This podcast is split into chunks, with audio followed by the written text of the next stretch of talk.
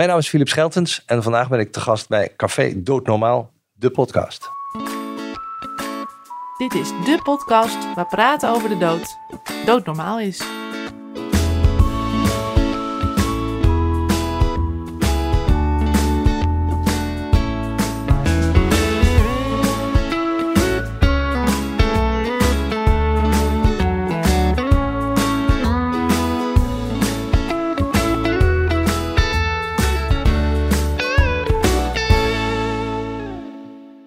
Vanuit onze prachtige hoofdstad heet ik je welkom bij weer een nieuwe aflevering van Café Doodnormaal, de podcast. En niet alleen een nieuwe aflevering, maar ook alweer het vierde seizoen.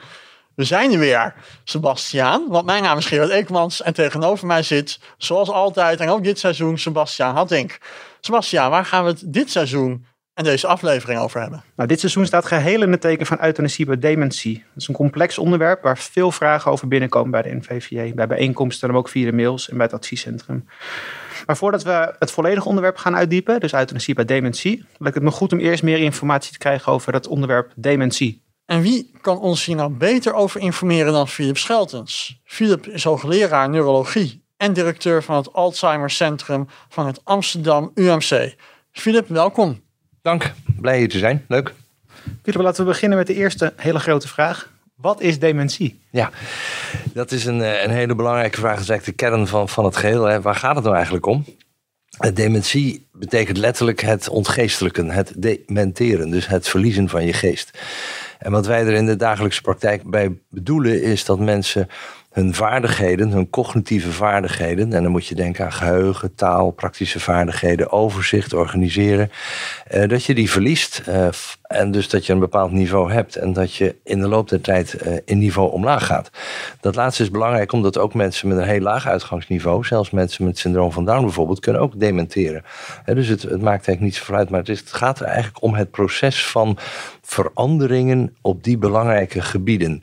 Dat is uh, wat dementie eigenlijk inhoudt. En je noemt het pas dementie als de, de stoornissen, de problemen die ik net schetste, als die ook echt invloed hebben op het dagelijks leven. Dat is een heel belangrijk criterium voor het benoemen van het syndroom dementie. Het moet wel iets doen met je, zodanig dat je niet meer naar, naar een studio kan komen, omdat je de weg niet meer kan vinden, niet meer je werk kan doen, of in de thuissituatie niet meer weet hoe je moet koffie zetten en, en niet meer weet hoe je een bankrekening, eh, zeg maar, hoe je bankzaken moet behartigen. En daar ook echt fouten ontstaan. En dan spreek je echt van een dementie. En ik hecht eraan om het hier nog een keer te benadrukken dat dementie is dus geen ziekte. Dementie is een syndroom, is een, is een verzamelbegrip wat staat voor een heleboel ziekten. En tegenwoordig hanteren we het begrip dementie eigenlijk meer als een stadium zodanig ernstig dat het invloed heeft op het dagelijks leven, dan uh, een, een begrip als een syndroom. Want je hoort ook wel eens mensen die zeggen: Ik heb Alzheimer. Is, wat is dan het verschil tussen dementie en nou, Alzheimer? Dat is precies wat ik net probeerde aan te geven. Daarom is het goed dat je de vraag stelt. Alzheimer is een van de oorzaken die leidt tot dementie. Dus de ziekte is Alzheimer. Dementie is uiteindelijk het syndroom waaraan iemand kan lijden als gevolg van die ziekte. Maar er zijn talloze ziekten. Alzheimer is er een van, frontotemporale dementie, de Lewy body dementie, de vasculaire dementie. En zo zijn het talrijke andere ziekten die uiteindelijk tot een dementie kunnen leiden. Dus ik vind het eigenlijk fijner als iemand echt heel duidelijk zegt: Ik heb de ziekte van Alzheimer. Dat betekent dat iemand de moeite heeft genomen om die diagnose goed te stellen. Omdat je zegt, ik heb dementie, dat zegt eigenlijk niet zoveel. Want wat zijn dan die stoornissen? En welke zijn dat dan precies? En hoe is dat? En nogmaals, het is meer een stadium. Uh, en er zijn ontelbare mensen die lijden aan een ziekte, zoals Alzheimer of frontotemporale dementie, maar die niet dement zijn. En dat is belangrijk om even, ook voor de luisteraars, uh, dat klinkt bijna als een tegenstelling, maar het is niet zo. Juist tegenwoordig, omdat we in staat zijn om die ziekte veel eerder op te sporen, kun je de ziekte van Alzheimer hebben, maar nog helemaal niet in het stadium dementie zijn. En dat is belangrijk. En hoe werkt het dan? Is dat de behandeling die dan dat doet? Nee, dat is eigenlijk de, de, het stadium waarin je mensen diagnosticeert.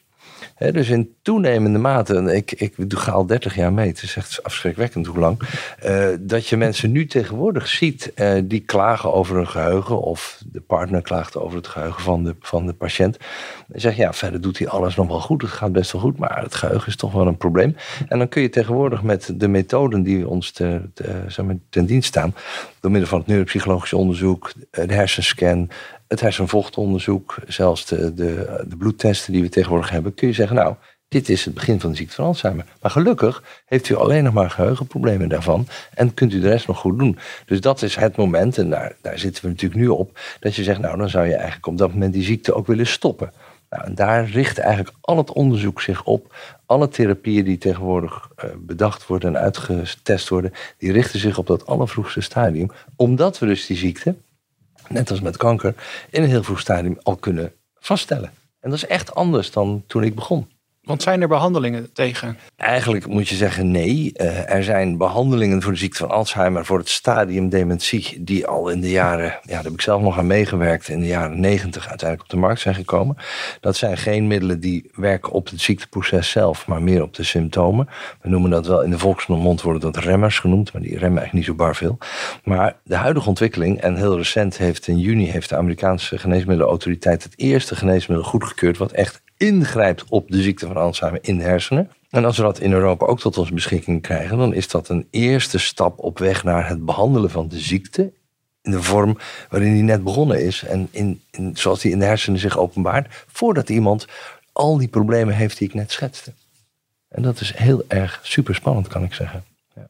Maar volgens nog werkt dat dus alleen maar als de diagnose vroeg gesteld kan worden. Zeker, zo is dat. Ja. En daar worden we gelukkig steeds beter in. Ja, en daar worden we steeds beter in. En, en echt niet wij alleen hoor. Het is niet een trucje, zeker niet. Want het is heel internationaal is dat de tendens dat men steeds vroeger de ziekte kan diagnosticeren. En dat wordt ook gedaan, omdat mensen daar ook om vragen. En je kunt tegenwoordig, er is zoveel awareness ook gelukkig over dementie, in tegenstelling tot toen ik begon. En het komt ook gewoon heel veel voor, laten we daar even duidelijk over zijn. Dat mensen zelf al gauw denken, nou, ik krijg die vraag heel vaak. Nou, ik ben 55, ben 60, uh, ja, en ik vergeet wel eens, laatst kon ik er niet op een naam komen. Laatst, is dat nou het begin van? Nou, dat is een reële vraag. En mensen worstelen daar vaak mee, want die hebben in de familie vaak dingen meegemaakt. Dan zeg ik, nou, laten we het maar onderzoeken. En dan kunnen we heel goed tegenwoordig uitmaken of het wel of niet het begin is van een ziekte. En dat gebeurt wereldwijd. Wie, wie stelt dan vast dat, uh, dat je dementie hebt? Dus de diagnosestelling is uh, dementie is nog een syndroom. Hè? Daar ja, willen we eigenlijk liefst ja. van wegblijven. Ja. Maar de, de, de, onderliggende ziektes worden vastgesteld door geheugenpolyklinieken bijvoorbeeld. Uh, en door gespecialiseerde centra, zoals de Alzheimer Centra. We hebben er vijf van in Nederland. Uh, maar het begint eigenlijk met de huisarts natuurlijk. Nou is de huisarts heel goed in een heleboel dingen. Maar niet zo heel specifiek in het vaststellen van een ziekte. Maar wel begint bij de huisarts eigenlijk het pluis-niet-pluis gevoel. Van, uh, hmm, nou, ik, weet, ik vertrouw het verhaal niet helemaal. En die, en die partner, daar moet je altijd heel goed naar luisteren. Die is toch wel heel erg duidelijk in wat zij of hij beweert over zijn partner. Laat ik doorsturen. En dan begint het meestal met een geheugenpolykliniek. En daar hebben we er meer dan 90 van in Nederland. Ze zijn hartstikke goed georganiseerd, zoals gewoonlijk. Dus daar kun je heel goed en laagdrempelig terecht. Dat wordt of geleid door een geriater, of geleid door een neuroloog, of door een psychiater soms. Uh, en als die er niet uitkomen, dan is er altijd nog weer een stap naar boven. Maar het is toch niet zo dat als ik vergeet waar mijn sleutels liggen, wat mij zeer regelmatig nee, overkomt, dat nee, ik gelijk aan de huisarts toe nee, toch? Nee, zeker niet. A, omdat je vrij jong bent, neem ik aan. B, omdat we dat allemaal overkomt. Kijk, het geheugen is, is niet uh, feilloos. Uh, dus er, zijn heel veel dingen die gewoon gebeuren en die helemaal niks te betekenen hebben en niks te maken hebben met dementie. En daarom zeg ik altijd, is, die vraag wordt heel vaak gesteld van ja, wanneer moeten we nou wel en wanneer niet? Dat is ontzettend lastig. Er is natuurlijk niet een, een lijn die precies dat aangeeft. Maar ik vind het zelf het meest overtuigend is juist als de anderen daar iets over zeggen. Dus als je partner, die het goed kent en die het langst heeft meegemaakt, als die zich zorgen begint te maken over het functioneren van die betrokkenen, of de kinderen, uh, of zelfs omgekeerd maakt het ook als mee ouders over hun kinderen, want het komt ook op jongere leeftijd voor. Dat is echt, dat moet je zeer serieus nemen. Er is een soort gouden regel die ik altijd uitleg aan de assistenten, dat als een patiënt zelf komt klagen in zijn eentje over het geheugen, is de kans dat er een ziekte als Alzheimer speelt eigenlijk heel klein. Daar is veel onderzoek naar gedaan. Maar als andere mensen de patiënt bij je binnenbrengen en zeggen: Nou, ik, ik, ik, ik heb er lang over gedaan, maar ik vind echt, hier moet naar gekeken worden. Want hij functioneert op, op dat niveau, of hij of zij op dat niveau. En ik vind echt dat er ja, nu dingen misgaan. Hij vraagt drie keer hetzelfde. De financiën, komt hij niet meer uit. Het doet er allemaal veel, veel langer over. Ja, dat is wel het moment waarop je moet gaan onderzoeken. Dus is de omgeving die het eigenlijk Juist. eerder door heeft. Ja, ja. En je zegt het eigenlijk al even, eh, je, je verwacht dat het bij mij niet voorkomt, want ik ben nog jong, maar het komt ook bij jonge mensen Zeker wel, ja, zeker. Het komt, eh, ik kan niet helemaal inschatten hoe oud je bent, maar het komt zeker op jonge leeftijd voor. Onze jongste patiënt die ik ooit heb gezien was 27. En eh, de- daar spelen heel vaak, en veel vaker dan op oudere leeftijd, echt erfelijke factoren een rol. Erfelijke factoren die bijvoorbeeld al in de familie spelen, eh, maar soms ook niet. En dan zijn het nieuwe erfelijke factoren, dus een nieuwe mutatie, een verandering die optreedt bij die persoon. En eh, grosso modo kun je zeggen dat tussen de 30 en de 45 de mensen die verschijnselen van een vorm van dementie vertonen, die hebben heel vaak een erfelijke component. Maar er zijn er ook bij die boven de 45 tot 75, dat is de doelgroep waar ik het meeste mee te maken heb, ja, geen erfelijke factor hebben en toch die ziekte krijgen. Dus ik ben er ook altijd heel erg tegen om alleen maar te zeggen: dementie is een probleem van de veroudering en de vergrijzing. Dat is echt niet zo. De ziekte van Alzheimer, de frontotemporale dementie en verschillende andere vormen komen ook gewoon op die middelbare leeftijd voor. En het zijn hele ernstige ziekten, juist op die leeftijd misschien nog wel ernstiger. En nu we toch hier over euthanasie aan het praten zijn, dat is de categorie patiënten die bij mij het eerste begint uit de spreekkamer als ik op 52-jarige leeftijd bij zo iemand ziekte van Alzheimer heb vastgesteld, nog in een vroeg stadium, die zegt, nou nu ik dit weet, ga ik toch eens even nadenken hoe ik dan mijn leven verder wil invullen en of daar eventueel plaats is voor iets als, dem- als euthanasie. En dat is die categorie mensen, echt niet de 80-plussers, wat mij betreft. Nee, want het is inderdaad heel heftig als je op jongere leeftijd al... De, hoe, hoe, hoe werkt dat dan? Want inderdaad, ik associeer het toch vooral met de ouderdomsziekte. Ja, maar het is echt niet zo. Nee, kijk, zelfs, zelfs als je dus op je 85ste die ziekte krijgt of op je 80ste, dan is die ziekte ook al 20 jaar aan de gang. Dus dan is hij al op je 65ste ontstaan. Hè? Want dat, het duurt gewoon heel lang voordat uiteindelijk de hersenen het als het ware opgeven en er geen reserve meer is. En dan, dan, dan krijg je als het ware symptomen. Maar die ziekte kan zich ook gewoon al op 55-jarige leeftijd eh, eh, manifesteren. En dat is eigenlijk de ziekte in zijn puurste vorm. En dan is er kennelijk een proces wat wat agressiever verloopt en sneller verloopt dan bij iemand die op oudere leeftijd de ziekte krijgt. En daar leren we ook steeds meer over hoe het kan dat zo'n ziekte echt tussen ja, zeg maar 40 en 90 of 100 zelfs kan ontstaan. Eh, wat, wat dan de factoren zijn die maken dat het veel langer duurt bij de een en, veel, niet zo lang duurt bij de andere. Dat weten we niet zo, maar het kan zeker. Buiten, eh, dus die categorie, jullie hebben vast misschien wel Jetske van der Schamer eens op tv gezien of haar boek gelezen. Dat is dus iemand die nu eh, 39 is en die weet dat ze dat gen heeft wat haar 100% de ziekte van Alzheimer geeft. En waar ze uiteindelijk aan gaat overlijden binnen nu een 10, 15 jaar. Want haar moeder had het ook en haar opa had het ook. Dat is een categorie die minder dan 1% van het totaal eh, zeg maar, ehm, uitmaakt. Maar er is een hele grote categorie mensen die gewoon zonder zo'n genetische factor op relatief jonge leeftijd die ziekte krijgt. Want dan wordt de diagnose gesteld. En hoe ziet dat er dan verder uit? Ja, nou, dat, is, dat, is, dat is echt iets wat, wat, ehm, wat ook ik vind dat dat door een expert gedaan moet worden. Het is, het is een, als je dus vaststelt dat iemand, nou, zeg maar op, eh, op, op mijn leeftijd, op 63-jarige leeftijd, de ziekte van Alzheimer heeft. En dat heb je met goede gronden, op goede gronden gedaan. Je hebt dat goed gedocumenteerd. En je hebt een scan gemaakt. Je hebt hersenvloeistof onderzocht. Of je hebt nog een ander soort scan gemaakt. Dan kun je dat echt 100% zeker zeggen. Ja, en dan begint er een traject van begeleiding. En nu eh, zijn er nog geen geneesmiddelen die, die we kunnen, mensen kunnen geven om te genezen. We bieden altijd wel aan om mee te doen aan geneesmiddelonderzoek. Want er wordt heel veel onderzoek gedaan met allerlei soorten interventies. Dus dat is voor die mensen vaak juist een hele zinvolle invulling van ja, hoe je om te gaan met zo'n ziekte. Nou, dan kan ik meedoen aan onderzoek om misschien de toekomstige generatie te helpen. Maar het hoeft niet, het kan. Eh, en anderzijds ja, ga je mensen dus begeleiden in dat pad. En dat is met name heel belangrijk, omdat we nooit goed kunnen voorspellen eh, hoe het zal gaan als eenmaal die diagnose is gesteld bij die persoon. Gaat dat hard? Gaat dat niet hard? Eh, zal die over vijf jaar in een verpleeghuis zijn of over tien jaar? Oh, eh, dus we moeten mensen in, daarin begeleiden en helpen en de zorg goed organiseren en zorgen dat de partner niet overbelast raakt. En daar ligt echt een taak voor ons als, als medici om die mensen in het traject te begeleiden. En dan krijg je ook een beetje een indruk van een jaar of twee daarna van nou, hmm, dit gaat toch wel vrij hard achteruit. Of het gaat niet hard achteruit. En daar kun je mensen dan ook weer bij helpen. Nou, en zeker vragen over nou ja, levensvragen en het invullen. Mensen willen graag nog, eh, nou, dan ga ik, dan ga ik, eh, ik was toch wel van plan om te stoppen met werken of vroeg, maar dan ga ik dat nu doen. En dan ga ik wat meer genieten van het leven. Nou, allemaal dat soort dingen. Maar daar moet je mensen wel een beetje in begeleiden. Of euthanasie. Wat gebeurt er dan precies in de hersenen in die tussentijd? Of tenminste, is al gaande natuurlijk. Ja, zeker. Het is dus al gaande. En wat er dan gebeurt, het proces uh, zet zich eigenlijk voort. en ontstaat relatief uh, op een bescheiden, op een beperkte plek in de hersenen. Dat is vaak juist de, de, gebieden waar het geheugen zich bevindt. Dat is in de, in de slaapkwap, maar dan aan de binnenkant, hippocampus. Daar heb je er twee van, eentje links en eentje rechts. Eén meer voor het verbale geheugen en meer voor, meer voor het visuele geheugen. En als ze alle twee aangedaan zijn, wat bij de ziekte van Alzheimer altijd zo is, dan begint het dus ook met geheugenproblemen. Daarna eh, verspreiden die afwijkingen zich eigenlijk door de hersenen heen.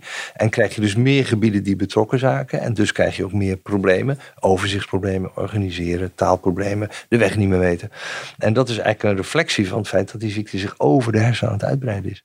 En als dat verder doorgaat, uiteindelijk belanden die mensen allemaal in bed eh, in een foetushouding. En er zijn er nog maar twee gebieden van de hersenen die niet aangedaan zijn. En dat is de motorische cortex, waarmee je dus je handen en je benen beweegt. En de visuele cortex, waarmee je nog kunt zien. En alle andere gebieden zijn ongeveer eh, dan aangetast door de ziekte van Alzheimer. Maar is de ziekte van Alzheimer dan een dodelijke ziekte? Uiteindelijk wel, ja. Dus dat is, dat is zeker. En je gaat er nooit aan dood, wel wel meedood. Want je was nooit in die situatie beland als je de ziekte van Alzheimer niet had gehad. Dus tegenwoordig telt dus ook de...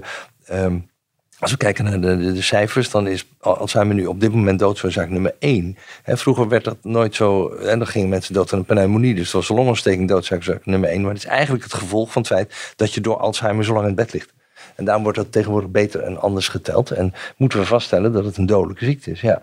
En onze Amerikaanse uh, collega's, onze, de, de, Alzheimer Association, zegt dat altijd nog iets bouder. Het is gewoon een fatal disease. Als die diagnose eenmaal gesteld is, en dat is natuurlijk ook waarom mensen er verdriet over hebben en waarom je de mensen goed moet begeleiden. Je weet gewoon dat je het uiteindelijk aan zult overlijden. Maar de vraag, de pad daar naartoe kan heel lang zijn. En soms ook heel kort. En dat is iets wat we nu nog niet kunnen voorspellen. En daarom moet je de mensen goed daarin begeleiden. Maar uiteindelijk ga je er aan of mee of met dood. Ja. We weten dus wel wat er met de hersenen gebeurt. Zeker. Ja. Um, uh, ik denk dat we dit seizoen ook nog wel gaan hebben over wilsbekwaamheid. Ja. Is er dan niet gewoon op een scan heel helder te zien... ah, dit is het moment dat iemand nog wilsbekwaam is ja, was en dat niet meer? Was dat maar waar. Ja. Ja, nou, nou raak je wel een van de moeilijkste dingen aan die je kunt uh, benoemen. Want wilsbekwaamheid is, uh, is echt een heel lastig begrip. Uh, omdat dat ten eerste altijd wilsbekwaam is ten opzichte van iets. Is dat ten opzichte van het tekenen van een, van, van een testament bijvoorbeeld, waarin je je kinderen onterft, wat helaas nog alles gebeurt. Uh, of het tekenen van een, een verklaring dat je graag dood wil. Uh, of, het, of het ondertekenen van meedoen aan wetenschappelijk onderzoek. Dus je hebt wilsbekwaamheid ten opzichte van een bepaald iets of ter zake van een bepaald iets. En dat is echt een, een beoordeling die gedaan moet worden door iemand met verstand en die het liefst ook de patiënt een beetje kent. Om te zeggen, kan iemand nou met die ziekte op dat bepaalde punt inderdaad overzien wat de gevolgen zijn van zijn actie. Dat kun je helaas niet op een scan zien. Nee. Nee, dat was dat maar waar. Er is een, op de scan zie je het verloop van de ziekte. Je ziet de afbraak. Jij vroeg daarna, dus wat je eigenlijk ziet als je de scans volgt, dan zie je dat het hersenvolume langzaam afneemt. Even ter illustratie, wij hier aan tafel, we hebben ongeveer anderhalve kilo hersenen. Die 25% van de energie van, van de totale energie gebruiken overigens, ook s'nachts. En dat is maar anderhalve kilo. Maar mensen die uiteindelijk doodgaan aan Alzheimer, die hebben ongeveer nog 8 tot 9 ons over. Dus is in die tijd is er ongeveer 5 tot 6 ons verdwenen. Nou, en dat is het proces wat je kunt volgen. En dat is waarom mensen uiteindelijk in een verpleeghuis helaas in foetushouding terechtkomen. Uh, dat kan jaren duren, 10, 15, soms 20 jaar, soms ook veel korter.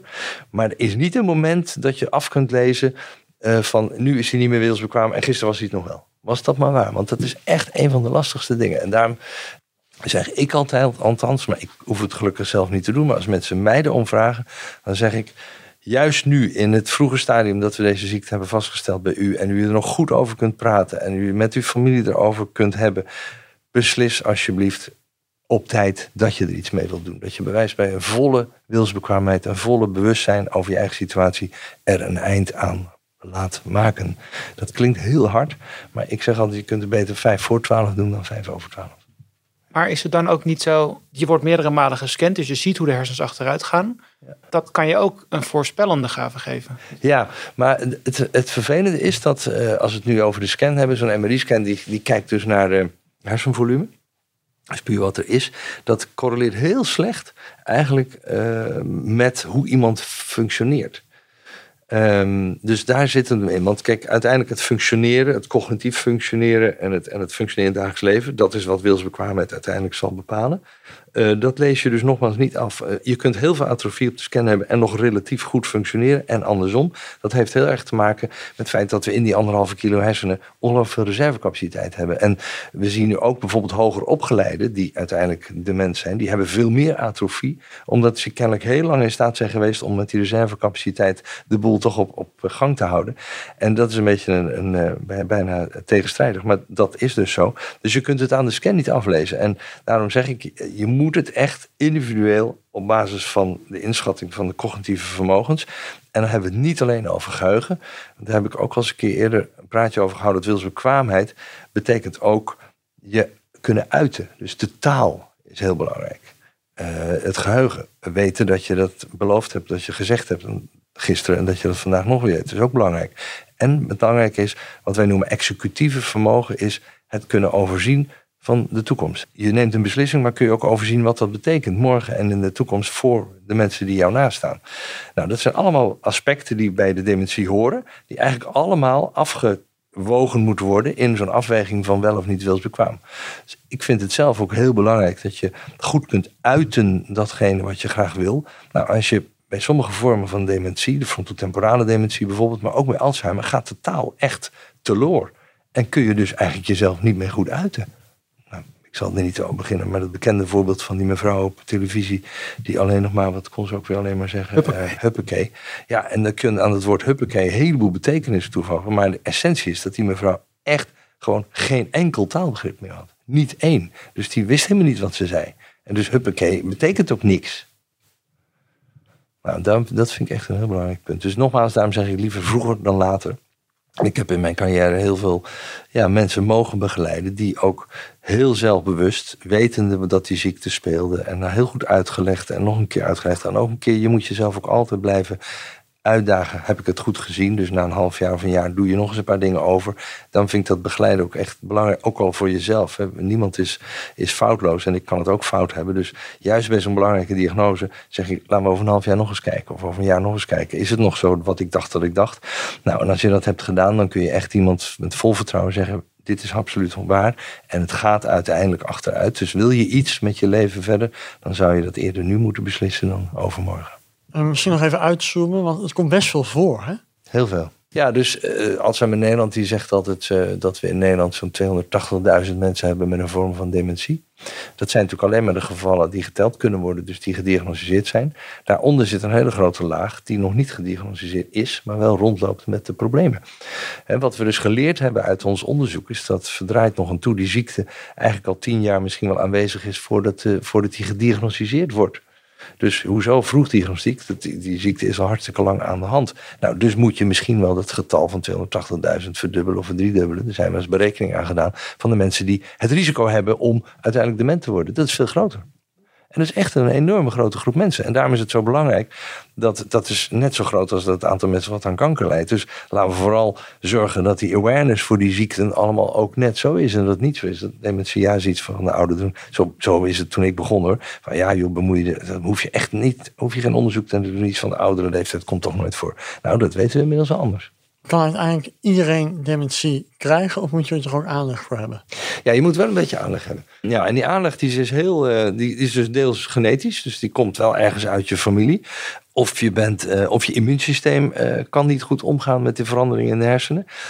en dat is, dat is een hele, ja, ook een belangrijke vraag. Wij volgen een groot cohort van 100-jarigen. inmiddels 360 mensen volgen we die 100 jaar en ouder zijn geworden die niet dement zijn. Nou, dat is, uniek, want je denkt allemaal als je maar oud en oud wordt, wordt het allemaal. Dat is in zekere zin ook wel zo, want 40% van de mensen boven de 80 heeft zo'n dementie. Maar nog steeds zijn er heel veel mensen die 100 jaar en ouder worden. Heel goed en scherp en, en niet dement. Nou, die mensen onderzoeken we dan. Daar doen we scans van. En heel veel mensen leveren ook hun hersenen na de dood in bij de hersenbank. En wat zie je dan? Verdraait nog een toe. Best heel veel mensen zie je gewoon die Alzheimer-afwijking in de hersenen. En toch waren ze niet dement bij het leven. Dus die hebben een, een weg gevonden. Dat kan het immuunsysteem zijn, dat kan, dat kan eh, een bepaalde hoeveelheid reservecapaciteit zijn. Dat kunnen allerlei factoren zijn waardoor ze kennelijk in staat waren om dat effect te niet te doen. En dat heet resistance of resilience. En dat is hartstikke interessant. Dat is super interessant. Dus daar, daar moet je weer moed uit putten en hoop uit putten. Dat er kennelijk dat soort mensen bestaan. Dus die hebben misschien een geheim. Dat kan ook genetisch zijn trouwens. Er worden ook veel genetische beschermende factoren gevonden bij die mensen. Nou, als we dat nou om kunnen zetten in een medicijn. Dan kunnen we misschien de jongere generatie dadelijk daarmee behandelen. En kan ik nu zelf actief iets doen om het te voorkomen? Nou ja, kijk. ehm, ja en nee. Ehm, het, het lastige is dat we. De, je mag tegenwoordig niet hardop meer zeggen dat bewegen niet goed voor je zou zijn. Dat is het natuurlijk voor iedereen. Maar laat het wel zijn, dat is eigenlijk nooit goed onderzocht op het, op het echt uitstellen van dementie. Het is alleen maar retrospectief bekeken. Sinds we sinds 20 jaar hoge bloeddruk, cholesterol, eh, opleiding, eh, roken, eh, al- een heleboel risicofactoren beter behandelen zie je dat er inderdaad een daling is van het mensen die op hele hoge leeftijd uiteindelijk dementie krijgen. Althans, ze krijgen het wel, maar later. Dus er zijn in zekere zin risicofactoren tijdens het leven waar je wat aan kan doen. Dus zorg dat je niet overgewichtig bent. Rook niet. Zorg dat je genoeg beweegt, want het is goed voor je hart. En wat goed voor je hart is, is goed voor je hersenen. En dat, dat soort algemene adviezen die zijn hartstikke goed en waar. En moet, geven we ook altijd aan iedereen. Maar het bewijs daarvoor is relatief nog dun. En merk je nou, eh, want het worden natuurlijk steeds meer mensen die hiermee te maken krijgen. Ja. Er sta- start natuurlijk een hele generatie staat nu op die echt voor zichzelf de regie houden is ook. Ja. Merk je nou dat de vraag omtrent euthanasie toeneemt? Ja, ik denk het wel. Eh, ja, ik, laat ik het zo zeggen. ehm, in het begin van mijn carrière hadden we, hadden we het er nooit over. En het is echt wel iets van de laatste tien jaar dat ik echt ja, met enige regelmaat met mensen na de diagnose met name, die dan meteen al beginnen. Nou, ik wil graag een levenstestament en ik wil daarover praten, ik wil daarover praten. Die hebben al veel beter in de gaten eh, wat ze eigenlijk willen. Eh, en je moet niet vergeten, dus wij stellen die diagnose en we, we noemen dat dan zo vroeg mogelijk. Maar mensen zelf hebben vaak al toch achter in hun hoofd een gevoel dat ergens iets niet lekker is.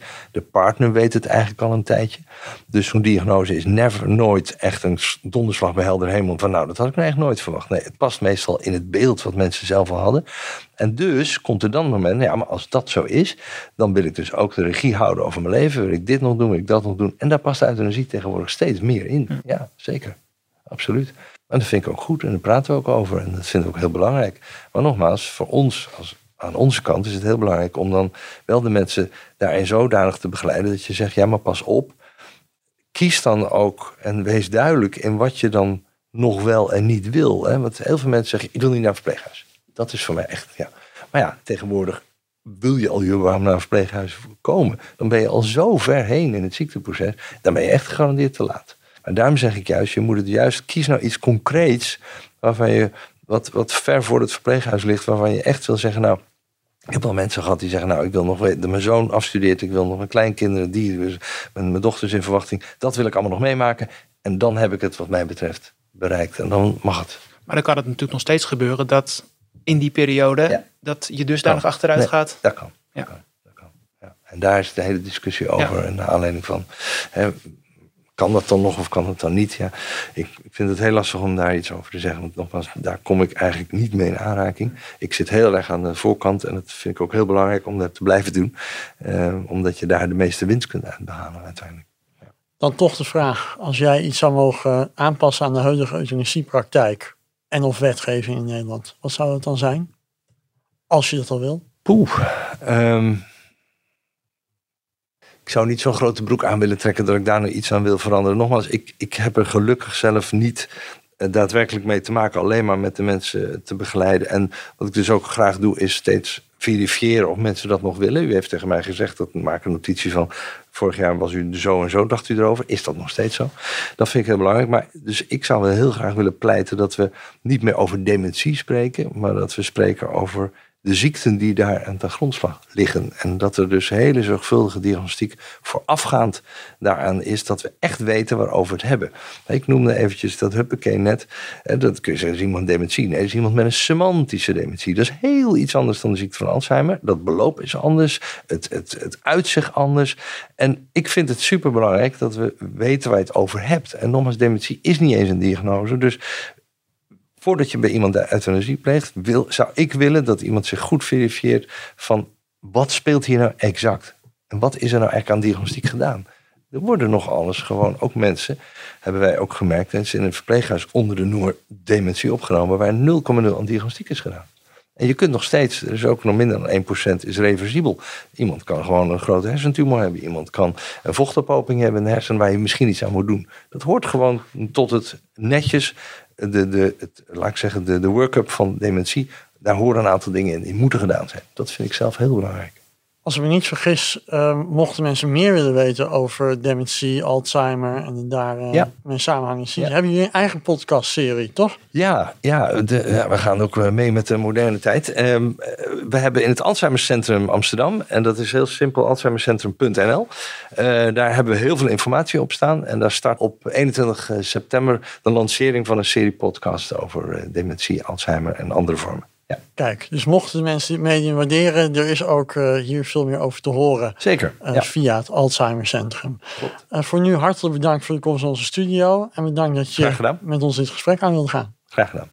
Dit was het weer voor deze aflevering van Café Doodnormaal, de podcast. Volgende week zaterdag staat er weer een nieuwe aflevering voor je klaar in jouw favoriete podcast-app. Voor nu bedankt voor het luisteren en wil je nou geen aflevering missen, vergeet dan niet te abonneren. Dan krijg je automatisch een melding als er een nieuwe aflevering voor je klaar staat. Vond je het nou interessant om deze podcast te luisteren? Laat dan vooral een beoordeling achter.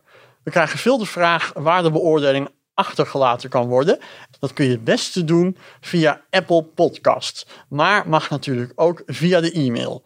Mocht je nou andere vragen hebben of opmerkingen naar aanleiding van deze podcast, kun je altijd mailen naar jongeren.nvve.nl. En hier mogen dus ook uiteraard de beoordelingen naar gemaild worden.